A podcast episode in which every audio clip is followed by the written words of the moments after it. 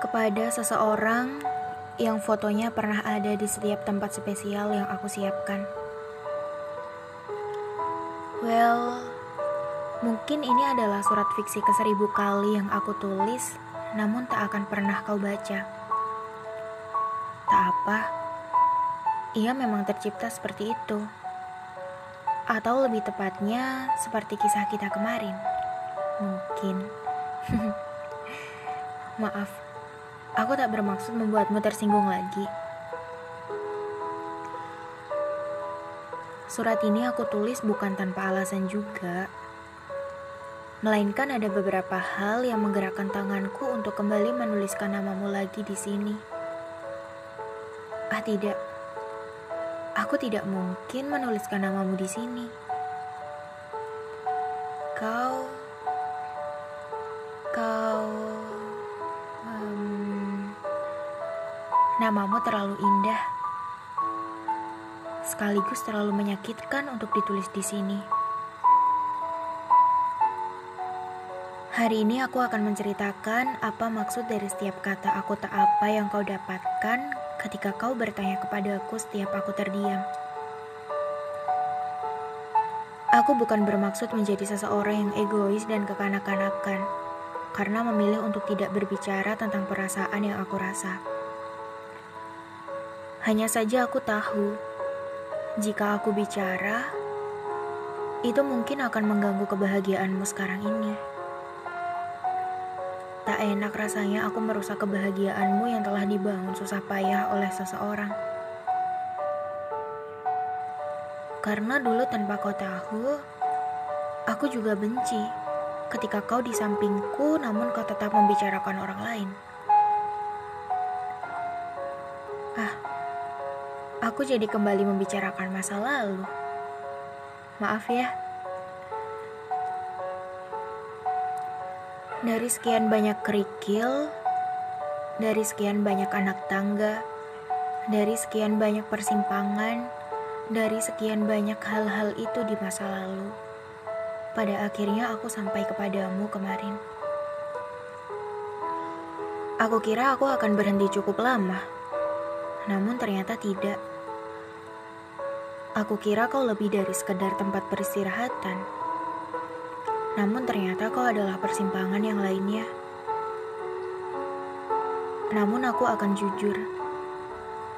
Dari sekian banyak masa lalu yang telah aku lalui, entah mengapa kau yang paling melekat. Rasa-rasanya setiap menemui orang baru dan menunjukkannya kepada temanku, mereka akan berkata bahwa orang baru itu mirip dirimu. Entah itu matanya, hidungnya, bibirnya, badannya, atau bahkan gelak tawanya. Awalnya aku merasa ini hanya kebetulan, hingga pada akhirnya tiga temanku mengatakan bahwa setiap persimpangan yang aku lalui, semuanya selalu mirip dirimu. Astaga. Jadi, selama ini di alam bawah sadarku aku mencari penggantimu. Namun sebenarnya aku mencari kau di dalam diri orang lain. Sungguh memalukan. Aku tak pernah merasa sebegitu bodohnya seperti ini. Kau adalah orang pertama yang mampu membuatku seperti ini. Tapi tenang saja. Aku pun pada awalnya tak percaya. Mungkin ini hanya hayalanku saja. Namun, Semakin aku mencoba untuk mengelak dari rasa yang aku buat sendiri ini, tanpa sadar aku semakin mencari kau. Iya, kau. Aku pandai menasehati orang lain, mencaci maki mereka.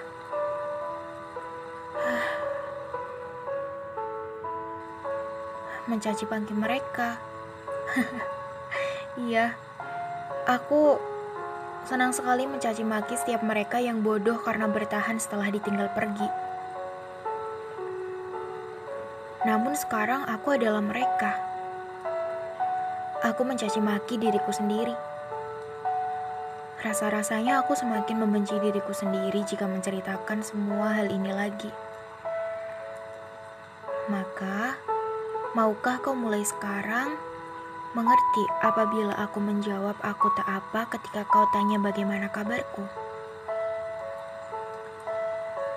Karena selain aku yang selalu tanpa sadar mencarimu di setiap orang yang aku temu, kau juga tahu bahwa kabarku pernah jauh lebih baik. Dan itu adalah ketika aku masih bersamamu. Aku pun sama sepertimu. Tak ingin kita jauh, tak ingin kita seperti orang asing lagi. Tapi jujur saja, aku benci menjadi orang pintar yang sudah terlanjur memenuhi otakku dengan banyaknya pengetahuan bahwa sekarang kau tak lagi mencintaiku. Dan yang lebih brengseknya lagi, di sini aku masih. Aku rindu menjadi orang bodoh yang berani mencintaimu secara luar biasa ketika kita pergi berkencan untuk kedua atau ketiga kalinya. Aku rindu menjadi orang bodoh yang mendengarkanmu menangis saat dilukai orang lain.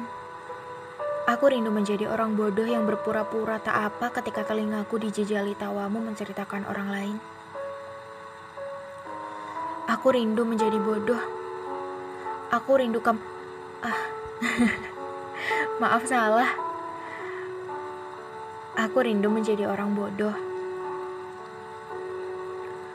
Selain itu, di setiap kalimat aku tak apa yang aku ucapkan kepadamu, di sana juga tersimpan sebuah rahasia lain.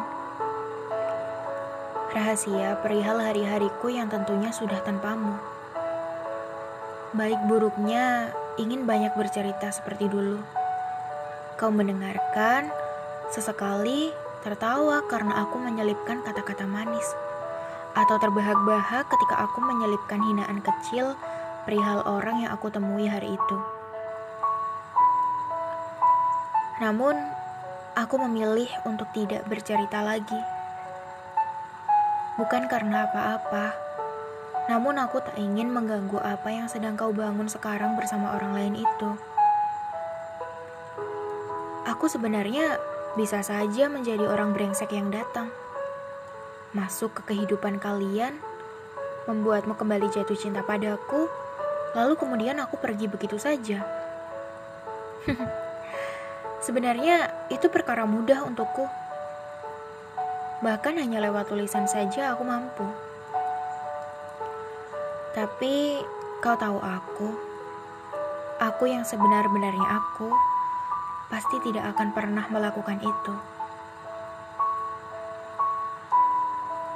Maka nanti di setiap kalimat aku tak apa yang aku ucapkan, aku harap kau mulai mengerti bahwa ada banyak pengorbanan yang aku simpan di dalamnya. Pengorbanan perihal aku, engkau, kita, masa lalu, dan masa depan. Terima kasih. Akhirnya, surat ini aku tutup. Terima kasih sudah pernah datang. Terima kasih sudah pernah membuatku jatuh cinta. Aku pernah bahagia bertemu kau, dan aku tak pernah menyesal.